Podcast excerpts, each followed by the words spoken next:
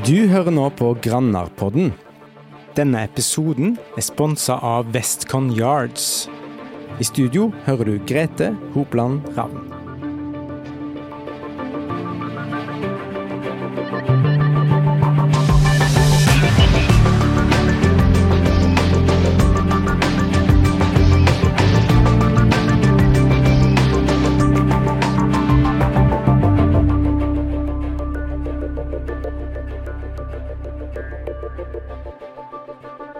Hjertelig velkommen til en ny episode av Grannapodden, og så må jeg selvsagt få nytte anledningen til å ønske godt nyttår til alle dere som akkurat nå lytter til podden vår. 2024 er her med alle sine blanke ark og fargestifter, og her i studio har jeg med meg en gjest som er minst like fargerik. Hun er sørlendingen som ble vestlending, hun er frisk og kvikk i både skinn og skinn, og har som regel mange jern i ilden. Og apropos ild, hun er brennende engasjert i forebygging av brann. Velkommen til Grannapodden, Solveig Hortmann. Så det, tusen, tusen takk. Det var litt av en intro. Ja. Wow. ja. Men for deg som ikke kjenner deg, Solveig, kan ikke du fortelle litt om hvem er egentlig Solveig Hortmann? Det kan jeg, vet du. Eh, som du sa, så flytta jeg fra Sørlandet og begynte å studere. Og så har jeg vært litt rundt omkring eh, før jeg endte opp i Vikebygd. Først havna jeg faktisk på Bjoa. Eh, og det er faktisk 25 år siden nå. Det er så lenge. Det er jo faktisk eh, Eller kanskje nesten 26. Ja. Mm. Ja. Så det er jo helt utrolig. Og, og hva er det eh, Hva var det som gjorde at du blei eh, Vikebu, holdt jeg på å si? Var det en mann i bildet da, eller traff du ham før? Nei, det var jo en mann i bildet, vet du. Jeg jobba faktisk på Englandsbåten i Color Line. Eh, I disse butikkene der solgte sprit og vin og forskjellig, og sminke og klær og diamanter til og med. Eh, og så var vi på, i Dock i England, og da var han innleid der for å gjøre en jobb. Så da traff jeg han der. Ja, Mm. Så du traff egentlig han før du havna på Bjoa, da? Ja, Ja. det gjorde jeg. Mm. Så du måtte en liten sving om der før du havna i Vikebygd? Ja, måtte en tur til England. Mm. Men hva er det med menn i Vikebygd? For eh, det er ikke så lenge siden jeg intervjua en gjeng som deltok på grilling i båthavna. Eh, og 100 av de som møtte opp der, av mennene, var oppvoksne i Vikebygd. Og alle damene var innflyttere. Hva er det som er så forlokkende med Vikebygd? Ja, det var det, da. Det er jo en nydelig bygd. Eh, og så er jo mennene veldig bra også, da. Det må de være, Ja. skjønner jeg. Så det er nok den kombinasjonen med fjord og fjell og sjø og alt dette her. Og så har de jo ofte fine tomter og fine eiendommer, disse mennene, da. Ja, ja. Så når du får det i kjø på kjøpet, så, så blir det bra. Og, og hvor lenge begynner du på Bjoa før du havner i Vikebygd? Jeg bodde vel der ca. et år. Ja. Mm. Mm. Og da eh, har dere gard i Vikebygd, eller? Ja da, vi har en eh, gård med nydelig, nydelig plass, liksom litt høyt oppe på Alne. Eh, og der har vi hatt eh, melkekyr, og vi har hatt eh, mye sauer. Så nå er det bare villsauer, da. Ja. Mm. Mm. Og jeg husker når jeg kom til gard, så sa han ja, alt du ser er mitt, og det du ikke ser, det er far min sitt. Oh, ja. Stemmer jo ikke helt, da, men, eh, men ja. Fikk nesten litt sånn Løvenes konge-vibber. Ja, ikke sant. men, eh, men dere ble ikke bøen alene på den gården så lenge, for det kom litt eh, småtroll. Ja, det gjorde jo det, vet du. Sånn etter hvert så fikk vi en gutt som heter Birge. Eh, han er nå 22. Og så 14 måneder etterpå kom det ei jente som heter Ada. Hun er 21. Ja. Mm. Så de er ute av reiret. Ja, de holder på med sånn studier og jobber og sånn. Mm. Det gjør de. Så en i Bergen og en i Fredrikstad. Ja. Mm. Mm. Men så måtte vi jo fylle på litt, da. Så nå er vi fosterforeldre. Ja, akkurat. Mm. Så, Det er en beundringsverdig jobb. ja, takk for det. Mm. Men det er veldig, veldig givende for oss også, Ja. å se at det på en måte går bra. Eh, og det, han var jo en eh, fin fyr når han kom, og, og jeg tror jo at han, eller jeg vet jo at han har det greit hos Mm. oss. Mm. Mm. Så flott. Så han blir 18 år nå i år, da. Ja. Eh, jeg starta jo litt med å nevne denne grillinga i båthavna, da. Eh, og sånn som jeg har eh, fått info om, da, når jeg var der ute og prata med dem, så er dette et fast innslag i, en gang i måneden hver andre mandag, stemmer det?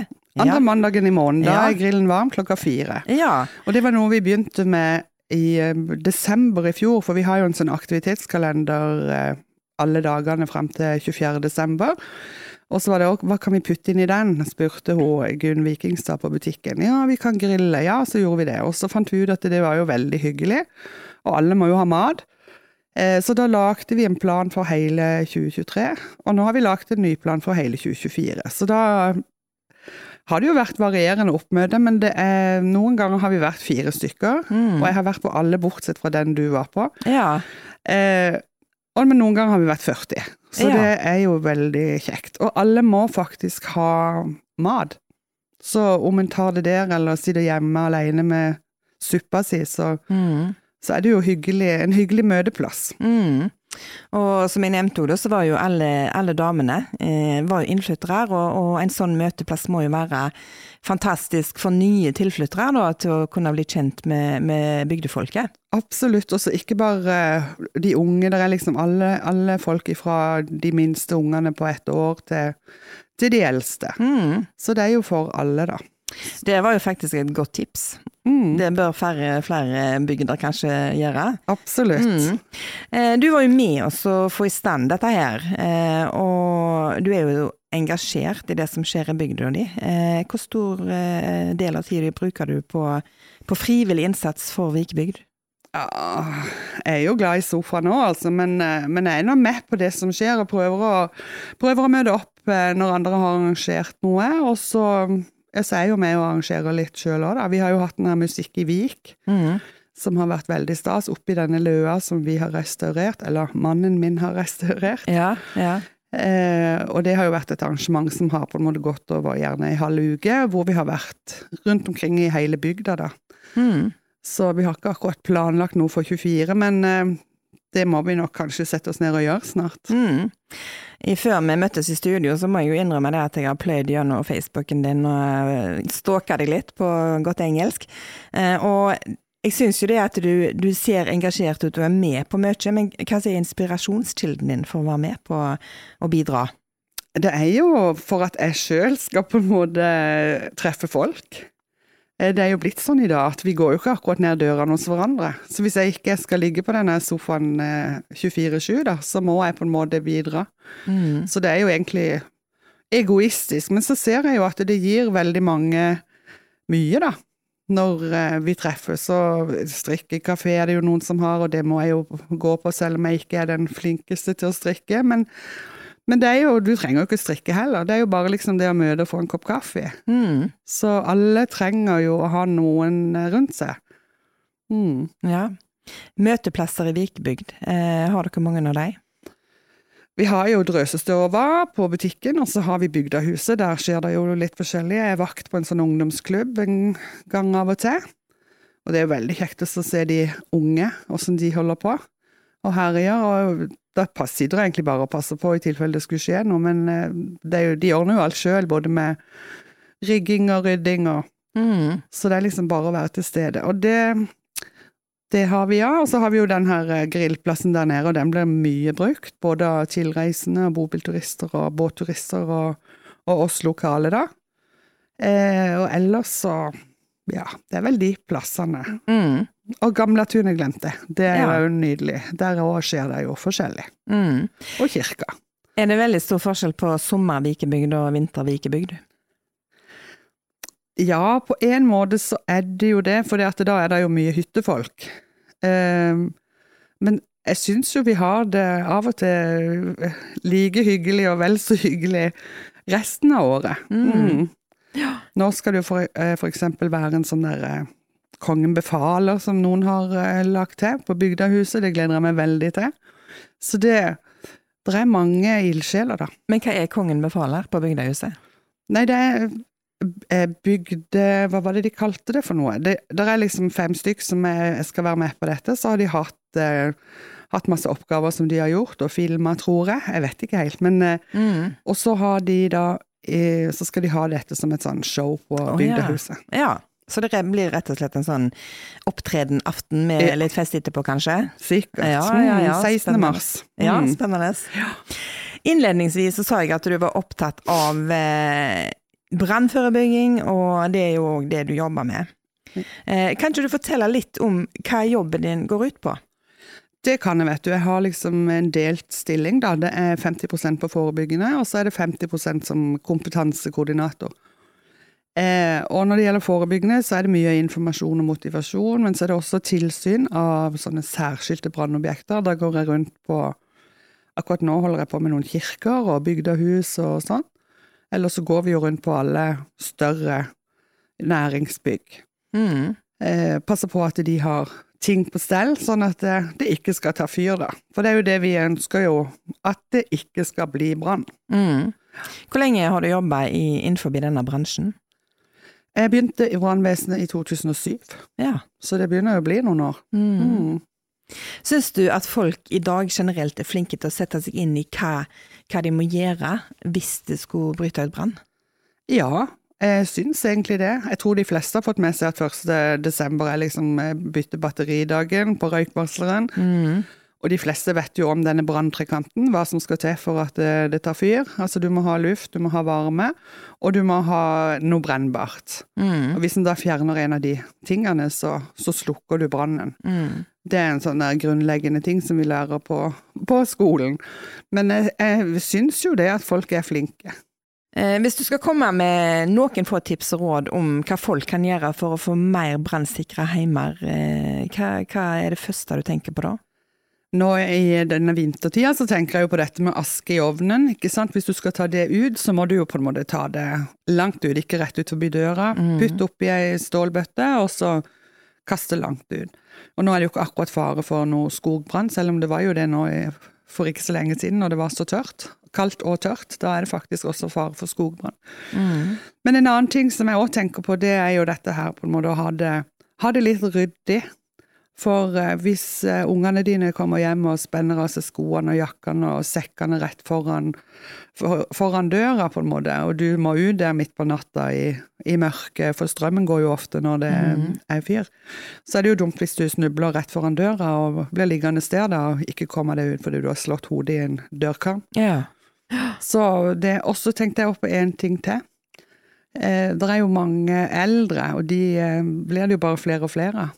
Og det å stikke innom til ei bestemor eller ei gammel tante og, og sjekke at uh, hun har det greit, og hjelpe henne eventuelt med å skifte røykvarsleren, Mm. eller batteri i røykvarsleren, da. Mm. Mm. Eh, Både du og Dag, som mannen din heter, er i samme bransje. Er det sånn at eh, dere av og til tar jobben med dere hjem? Ja, jeg må jo av og til hjelpe han litt med sånne der digitale løsninger, for han er jo ikke så god på det. Ikke det at jeg er ekspert, men eh, han er en ikke-ekspert. Ja.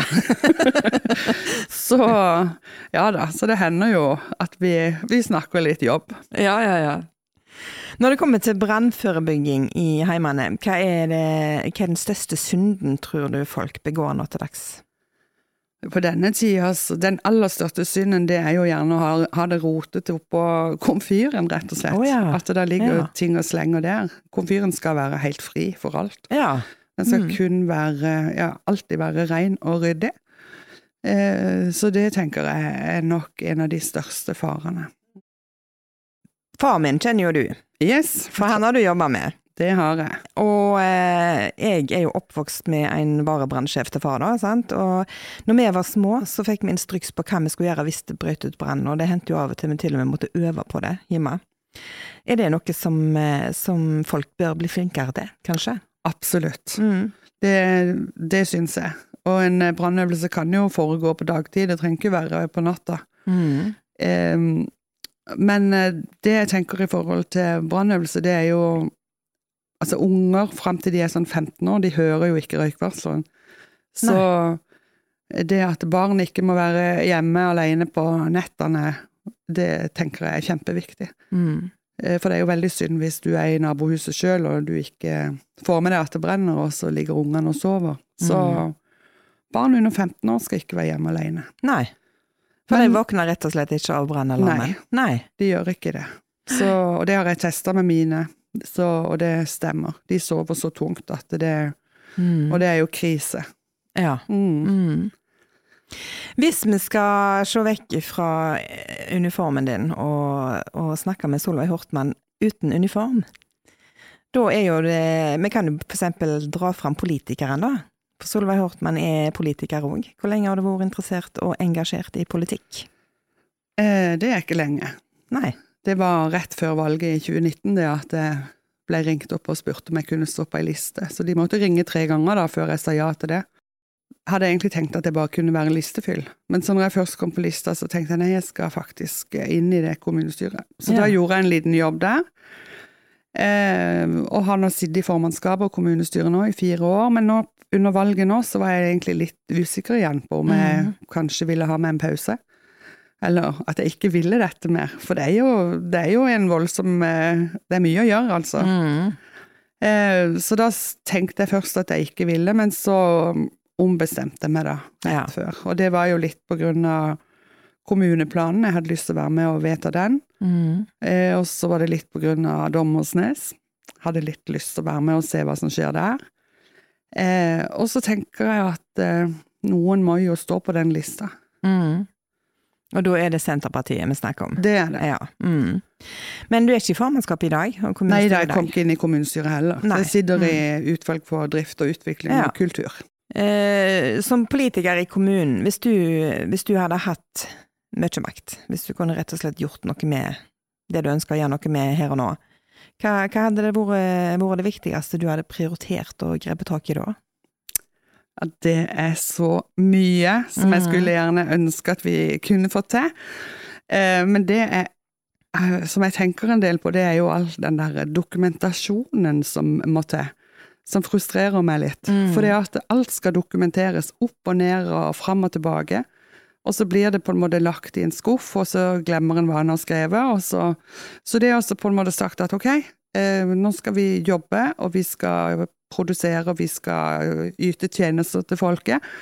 Uten all den dokumentasjonen. Men så Mm. ser jeg jo at ok, det er jo behov for det, for sant. Eh, Det kan, eh, det kan komme ting som gjør at du må kunne dokumentere ting, men, men det irriterer meg at vi må dokumentere så mye. Og det gjorde vi ikke før, Mm.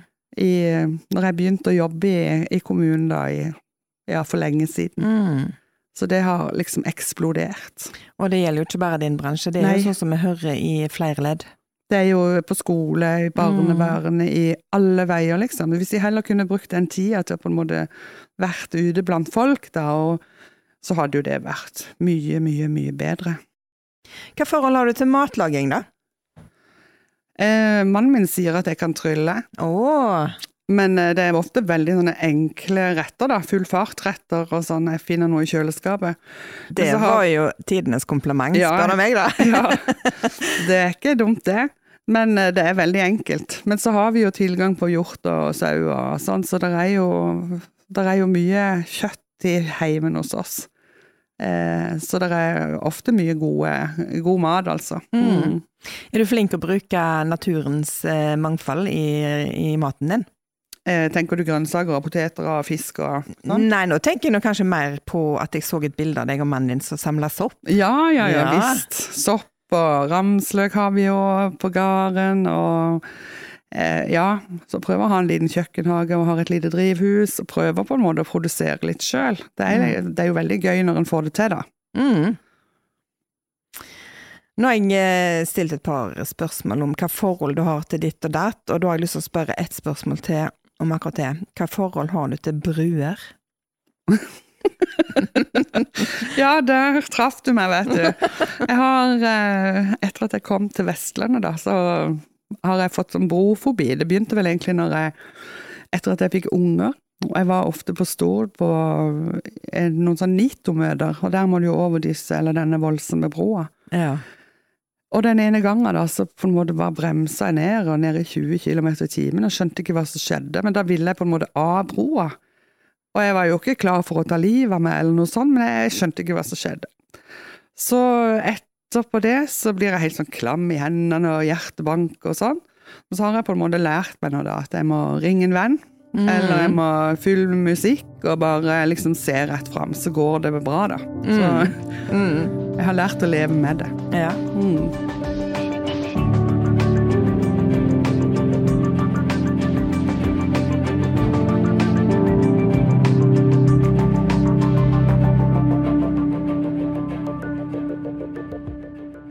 Hvis vi skal gå litt tilbake til, til den lille jenta som du var en gang i tida i Kristiansand, og du hadde oppvekst i Kristiansand. og Hvordan var det for deg å, å vokse opp der? Kristiansand er jo en eh, nydelig plass, og kjempefint. Og jeg ble eh, født inn i en familie med ei storesøster som var elleve måneder når jeg ble født.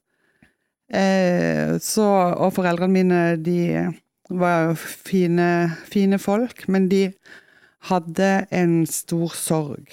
Mm. Ja.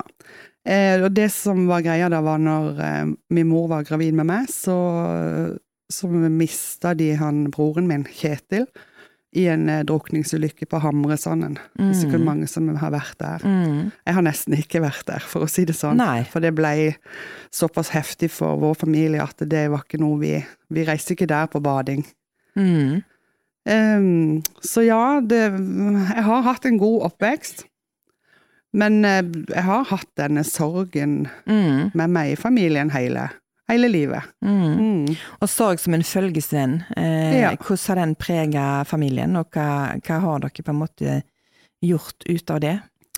Nei, vi har jo alltid vært på en måte på Altså, det har jo alltid vært et tema, det har ikke vært noe hemmelighold at jeg, jeg skulle hatt en storebror, da. Eh, og vi har jo alltid vært på kirkegården og lagt ned blomster og på en Mm. måte hatt en eh, hatt, hatt det fint sånn med det, men jeg har jo liksom skjønt etter hvert som jeg vokste til det, at det, dette har vært eh, en stor sorg for foreldrene mine. Mm. Og det har jo på en måte påvirka ja, hele familien.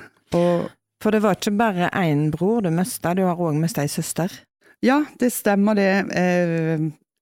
Før eh, han Kjetil eh, døde da, så hadde jeg òg ei søster som, eh, som ble født med vannhode, og det var ikke så lett å håndtere da på 60-tallet, sånn som det er i dag. Så hun døde når hun var fire måneder gammel. Og så da var det jo Kjetil, og så kom jo Merete til. Og så, og så drukna jo han da når Merete var, var syv måneder gammel. Og da var jo mamma som sagt allerede gravid med meg. Og så ble jeg født, og så, når min søster ble født, så ville han Kjetil at hun skulle hete Solveig. Oh, ja. Men det, de ville at hun skulle hete Merete. ja. Men så når jeg kom da, så, så ble det Solveig. Mm. For når du kom, så var han allerede borte. Da var han Ja. allerede død. Mm. Mm. Eh, har, sorg kan jo være lærerikt òg. Eh, på hvilken måte har sorg vært lærerikt for deg i oppveksten? Ja, dette har jo vi hatt med oss i vår familie hele, hele livet, liksom. Så det har jo vært eh, fine dager hvor vi har vært på kirkegården med blomster, og vi har jo på en måte alltid visst om dette. Så vi har Jeg syns jo foreldrene mine var ganske flinke, da. Mm. Eh, men eh, jeg har jo skjønt i etterkant at eh, de har jo hatt det tøft, da. Mm. Sånn, og spesielt eh, med en gang han drukna, så var det, kom det jo brev i posten til foreldrene mine med, eh, fra folk som hadde kanskje vært på Hamresanden, eller hadde opplevd Jeg hadde hørt om dette, sett i avisen eller noe sånt. Og da fikk de sånne eh, grusomme brev. Liksom 'du som ikke kan ta vare på ungen din, og du må bare brenne i helvete'. Er det mulig? Ja. Og det var jo ikke snakk om noe kriseteam og sånn den gang. Du måtte på en måte håndtere alt sånn Ja. sjøl. Så det var, de har nok hatt det tøft, da. Det var jo noe på toppen av Ja. eh, sorgen i seg sjøl. Ikke sant? Ja. Mm. Men eh, så til slutt da, så endte det jo med at de gikk ifra hverandre. Men de Ja. skulle jo vente til vi var konfirmert, selvfølgelig, for det, skulle jo være så bra for oss. Men jeg vil Mm. nå anbefale folk som har liksom planlagt å gå fra hverandre, at de trenger ikke vente til ungene blir konfirmert. De Nei. bør liksom gjøre det mens Ja, når de må. Om Mm. Unger tolererer en skilsmisse. Kanskje bedre når du er ung enn når du er 14-15, liksom. Mm. Eh, tror du at du er ei annerledes mor i dag enn du hadde vært om ikke du hadde vokst opp med en sånn sorg i familien? Ja, det kommer litt an på det. Jeg har jo på en måte valgt at denne sorgen er nå en del av meg, og jeg har nå valgt eh, at jeg, det skal ikke prege meg. Eh, fordi at eh, Men det er nå er litt av historien min, da. Mm. Så, så sånn er det bare. Ja. Mm. Og det er jo mange som har, eh, har sånne historier i sitt liv. Men eh, hvis du tenker på mennesker og medmennesker, da, hva, hva betyr det for deg? Det betyr mye. Jeg er jo helt avhengig av, av folk. Eh, og jeg er veldig glad for mannen min og familien hans. Eh, også alle disse ja, kontaktene og venner og familie som jeg har rundt meg. Mm. Hva forhold har du til musikk? Ja, jeg har jo spilt i korps da i alle år, så Ja. jeg, jeg kan, jo, kan jo det. Ja. Og jeg hører mye på musikk, men det har jeg registrert de senere årene, at jeg hører liksom helst på, på rytmen og, og, og sånn, men jeg er ikke så flink til å høre på tekstene. Mm. Men uh, musikk er veldig deilig. Men når du spilte i korps, uh, hva var ditt instrument? Jeg begynte på althorn, og så gikk jeg over til tenorsaksofon. Ja, men jeg har òg hørt at du spiller tuba, er det bare for show? Ja, jeg spiller jeg horn, da. Jeg spiller ikke tuba. Å, ja. Jeg har aldri gjort det. Nei, det var det som var nevnt, skjønner du. Ja. Nei da, så når jeg begynte i Vikebygd skole og ungdomskorps, Ja. så begynte jeg på horn igjen, da. For det var det vi hadde tilgjengelig. Mm. Så vi har jo hatt eh, korps der også en periode, men akkurat nå er det litt nede. Ja. Ja, Savner du å spille i korps? Ja Jeg syns jo det er veldig hyggelig når vi kommer i gang, og det er jo ofte det der med denne dørstokkmila på Altenska. Mm. Så det er jo veldig hyggelig å, hyggelig å være sammen. Det er jo det der å være sammen med folk Mm. jeg setter mest pris på, da. Ja. Mm. Men Solveig, du sier du har bodd nesten 26 år i uh, og Bjoa. Men det er ikke godt å høre på deg. Nei, Du holder deg godt på dialekten din. ja, takk Ja. for det. Er det bevisst eller tilfeldig? Nei, jeg tror, jeg tror ikke jeg kan noe annet. Jeg er liksom eh, Ja, det er noe sånn jeg snakker, og den mm. dialekten jeg har. Eh, og jeg har liksom tenkt litt på det der med dialekter, for det eh, Det står vel eh, forskjellige plasser at hvis man ikke endrer dialekt, så har man dårlig språkøre. Så jeg vet ikke om det, om det er noe med det. Jeg kan jo litt engelsk og snapper opp litt spansk og tysk og sånn, men, men jeg er jo ikke noe ekspert i noen andre språk, liksom. Mm. Men eh, ja, nei Jeg har merka at jeg har, eh, jeg har tatt til meg ett ord da her på, på Vestlandet, og det irriterer meg egentlig noe veldig. Mm. For det ordet, det er kjekt. Å ja. Og det har jeg liksom sagt hele tida når ungene kom hjem fra skolen. Har du hatt det kjekt i dag? Og det ville jeg aldri sagt til Kristiansand. Nei. For det kjekk, det betyr jo å se så kjekk han er. Ja, for det betyr pen, egentlig, det. Mm, Mm. Flott, pen, liksom. Så, Ja. så det irriterer meg litt at jeg har tatt det ordet for mye i min munn. Mm. Men eh, jeg kjenner jo folk som eh, er etnebuer som ikke har bodd i Etne på 40 år, og de snakker jo sånn som min bestefar snakker, snakket. Eh, hvordan er din Kristiansand-dialekt i forhold til dagens eh, Kristiansand-dialekt? Jeg merker jo det når jeg kommer hjem, så får jeg jo, eller hjem da, til Kristiansand, så Ja. får jeg jo beskjed om at, eh, at jeg snakker sånn som jeg gjorde når jeg flytta. Ja. Så eh, dialekten min har konservert seg, rett og slett. Ja. Sant? Liksom inne i en boks. Jeg, Mm. jeg får ikke de der nye endringene som skjer i Kristiansand-språket, da. Jeg ser på både søstera mi og venninner, og, og spesielt på de unge, at uh, dialekten har endra seg veldig. ja. Og det Ja, sånn er jo verden. Men uh, jeg er veldig glad for at jeg har holdt på min dialekt, da, for jeg, det er veldig mange som syns den er fin, og så er det nå det jeg kan. ja. Ja. Rett før jul så fikk jo du lov til å være en av seks personer som skulle skrive noen ord for Granner, for tanker om det nye året.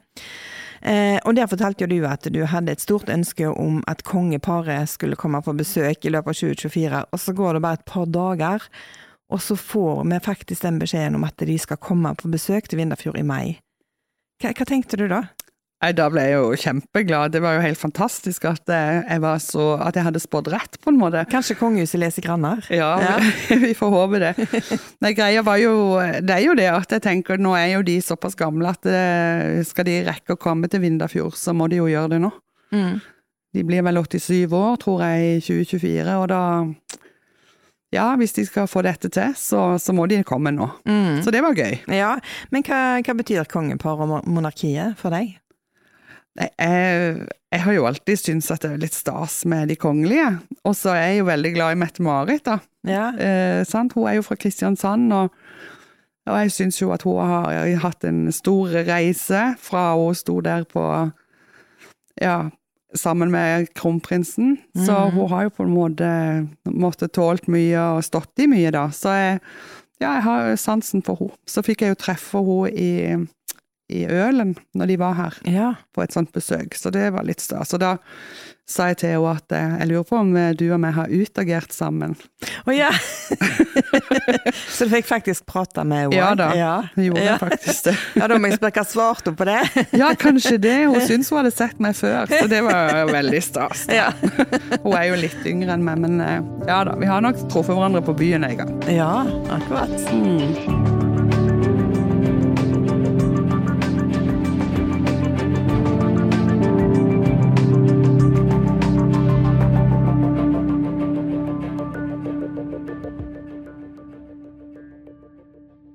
Hva ønsker og håp har du for 2024? Ja, jeg ønsker jo at jeg skal bli litt tynnere. Nei da. Eh, tenkte du for eh, kommunen? Nei, nå tenkte jeg for deg. Ja, du tenkte Ja. for meg, ja. Nei, eh, jeg har jo en drøm om at vi skal bli ferdig med et sånt prosjekt vi har hjemme på gården. Vi har flytta et elhus, og at vi har, får det opp og gå. Mm. Eh, og at eh, han fostergutten min får sertifikatet når han skal. Eh, og at vi får en eh, fin sommer. Så har jo jeg og mannen min 25-års bryllupsdag, så det må vi jo på en måte håpe at vi lever så vi får feire. Ja. Eh, så, og egentlig så er det jo det der med hverdagen, at den blir fin. For det Og det er jo et valg som jeg må velge å ta. Jeg må lage en fin dag for meg, og så får jeg håpe at det påvirker andre til å lage en fin dag for seg, og da totalt så blir jo det en fin dag for, for flere. Det var, det var godt sagt. Vi går inn for landing med, Solveig. Og jeg avslutter jo alltid med samme spørsmål til alle mine gjester. Og det handler jo om dette med framsnakk, og, hva skal til for at heimbygda di skal være en god plass å bo. Eh, og hvis du da må velge en person som du vil framsnakke, hvem skulle det vært, og hvorfor? Vet du hva, det er veldig vanskelig å velge én person, for det er så mange som på en måte bidrar. Eh, Alt ifra de som eh, bidrar litt i det skjulte, men som eh, gjør sånne viktige oppgaver, til, til de som på en måte mer står fram og, og roper høyt. Men eh, jeg tror at jeg vil eh, gå til Krekaveien, eh, for der bor det en familie som har vært med å oppdra alle ungene i Vikebygd. De har eh, tatt ansvar for speideren, eh, og det er Håvard og Iselin Tveit, og så er det Arne og Britt Nelly. Jeg kunne nevnt mange navn, da, men, men alle ungene i Vikebygd har jo vært med i speideren ifra, fra, så fort de fikk lov, på en måte. Og, og de fleste ble jo med til langt opp i voksen alder, omtrent. Og det at de har eh, gjort at eh, alle bygdas ungdommer på en måte har blitt glad i naturen, blitt eh, glad i dette med å brenne bål og telt og sovepose og bading og kano. De har jo gjort en helt fantastisk jobb, så jeg tror nesten det er de jeg må ta fram og heie på. Jeg er veldig glad i de, og veldig glad for alt de har gjort. Mm. Solveig Hortmann, tusen hjertelig takk for praten. Du har nå hørt på Grenderpodden, og episoden er produsert i ABC-studio med Stig Morten Sørheim. Har du tips til hvem du har lyst til å høre på i Grenderpodden, så send oss gjerne en e-post. Da sender du til tipsalfakrøllgrønner.no. Mitt navn er Grete Hopland Ravn, og ansvarlig redaktør for Grenderpodden er Torstein Tysvær Nymoen.